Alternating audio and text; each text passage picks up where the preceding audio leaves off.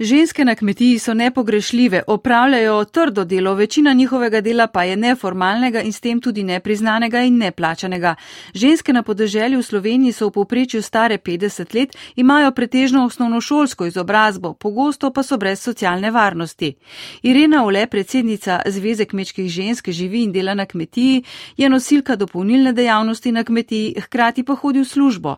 Je ena redkih, ki si v soglasju z družino poleg vsakdanjega trdega dela vzame čas tudi za delovanje zunaj družine, za kulturno udejstvovanje in družbeno aktivno delovanje preko Zveze kmečkih žensk. Meni, da se položaj žensk na manjših kmetijah poslabšuje.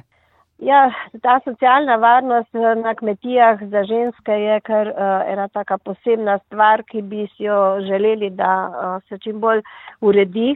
Ampak tudi hierarhija v družini je uh, podrena oziroma je ženska bolj na dnu.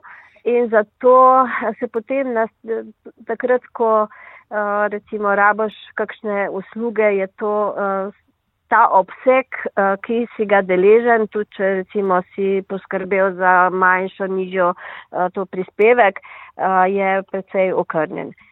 Po drugi strani pa tudi ženske, ki so zavarovane, ki imajo to urejeno, eh, verjetno malo premalo vedo in poznajo svoje pravice. Mersi katera mi je rekla, da je zvedela, da lahko uveljavlja porodniško, potem, ko, že, ko so že otroci šli v šolo. Se pravi, eno je sama slaba ozaveščenost eh, žensk na podeželju.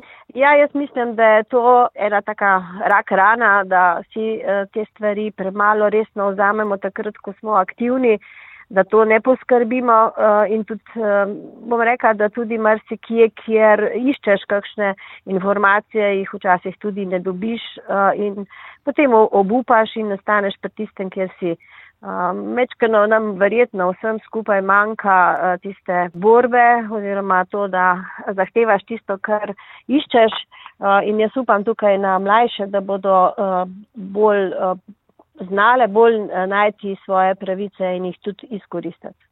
Ko seveda ženska na kmetiji več ne more delati, dobi ja. pokojnino. Kakšne so te pokojnine? Ja, te pokojnine so zaradi vseh razpletov, ki so uh, zelo nizke. Tukaj so tudi uh, za moške ni velike, ni razlike, ampak kmečka pokojnina tam okrog 250 evrov, ki trenutno uh, velja.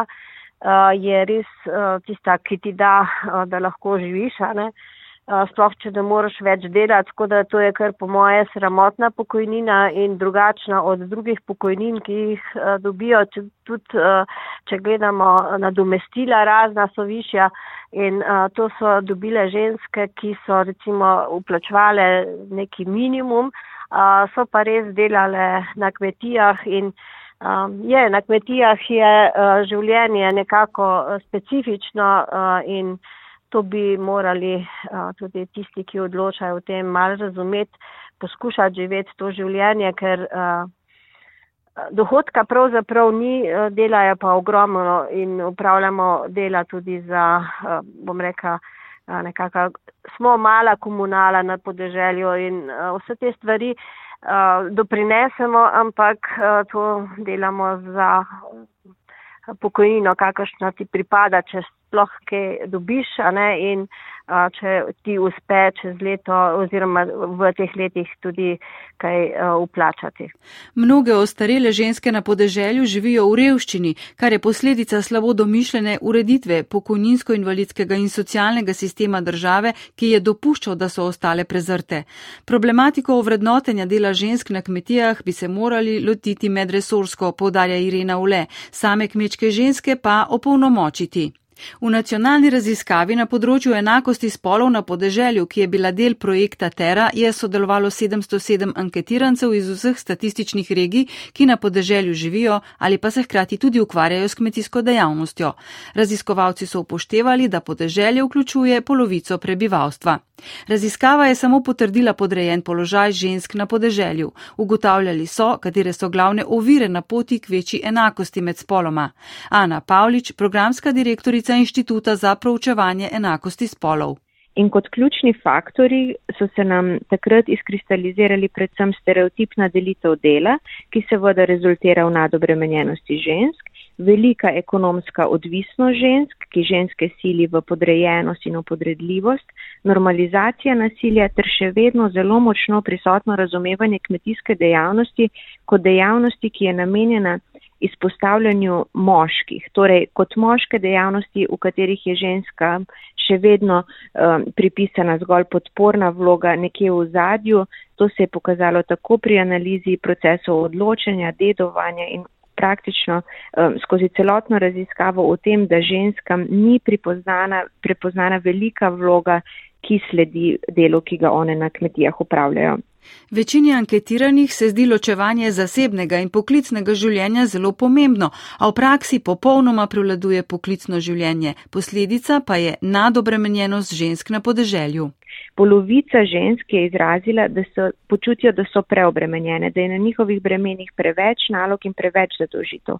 Po drugi strani je tako menilo zgolj 16 odstotkov moških, ki pa so zelo zanimivo v 80 odstotkih bili celo prepričani, da se jim zdi, da so v njihovih družinah ali pa v njihovih partnerskih odnosih ta dela enakomerno razdeljena.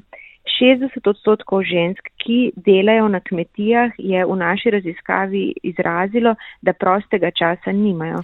Kadar prosti čas imajo, ga namenjajo počitku, nasprotno kot moški, ki prosti čas namenjajo predvsem druženju. Stereotipno ženske nase prevzemajo tudi skrbstvena dela za otroke in starejše, brez katerih kot družba sploh ne bi preživeli.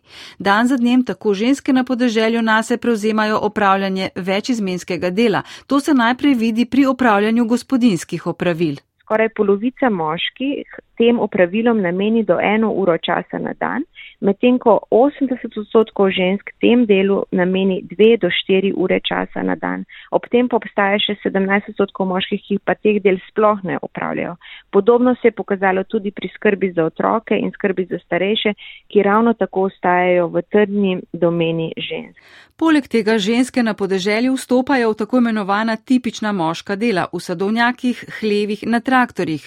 Odprto ostaja vprašanje, zakaj se ni zgodil obratni proces, da bi moški nase prevzemali tudi stereotipna ženska opravila.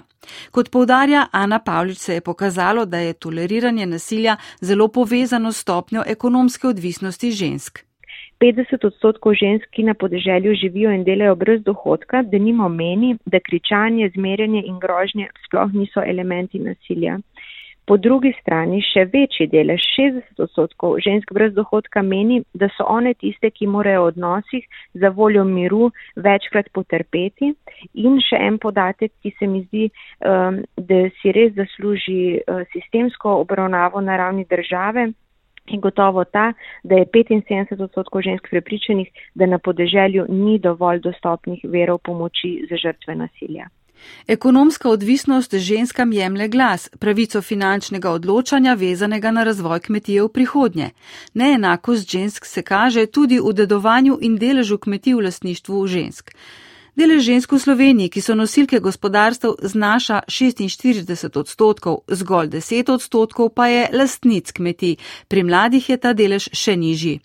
Na Zvezi slovenske podeželske mladine so v letu 2021 v okviru projekta Nemoč podeželja začeli naslavljati zelo zapostavljen vidik trajnostnega kmetijstva, to je kakovost življenja na podeželju in pomen odnosov na kmetiji za razvoj in sožitje generacij na njej.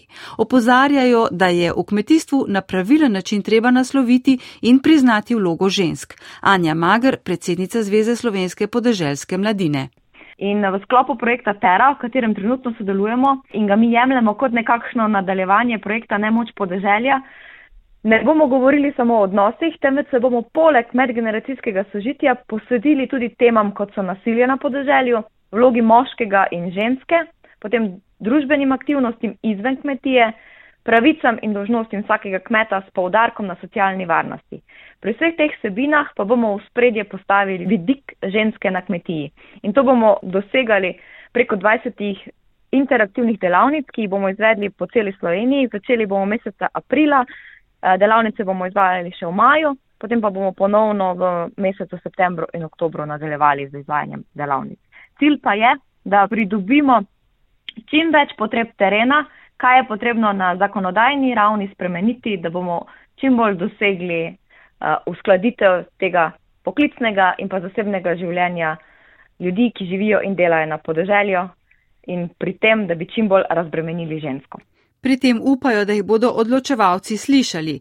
Mladi stremijo k enakovrednosti med spoloma, tudi ko se na kmetiji postavi vprašanje, kdo se bo odpovedal različnim zavarovanjem, da bi kmetija privarčevala. Brez enakovrednega položaja žensk na podeželju ne bo trajnostnega razvoja podeželja.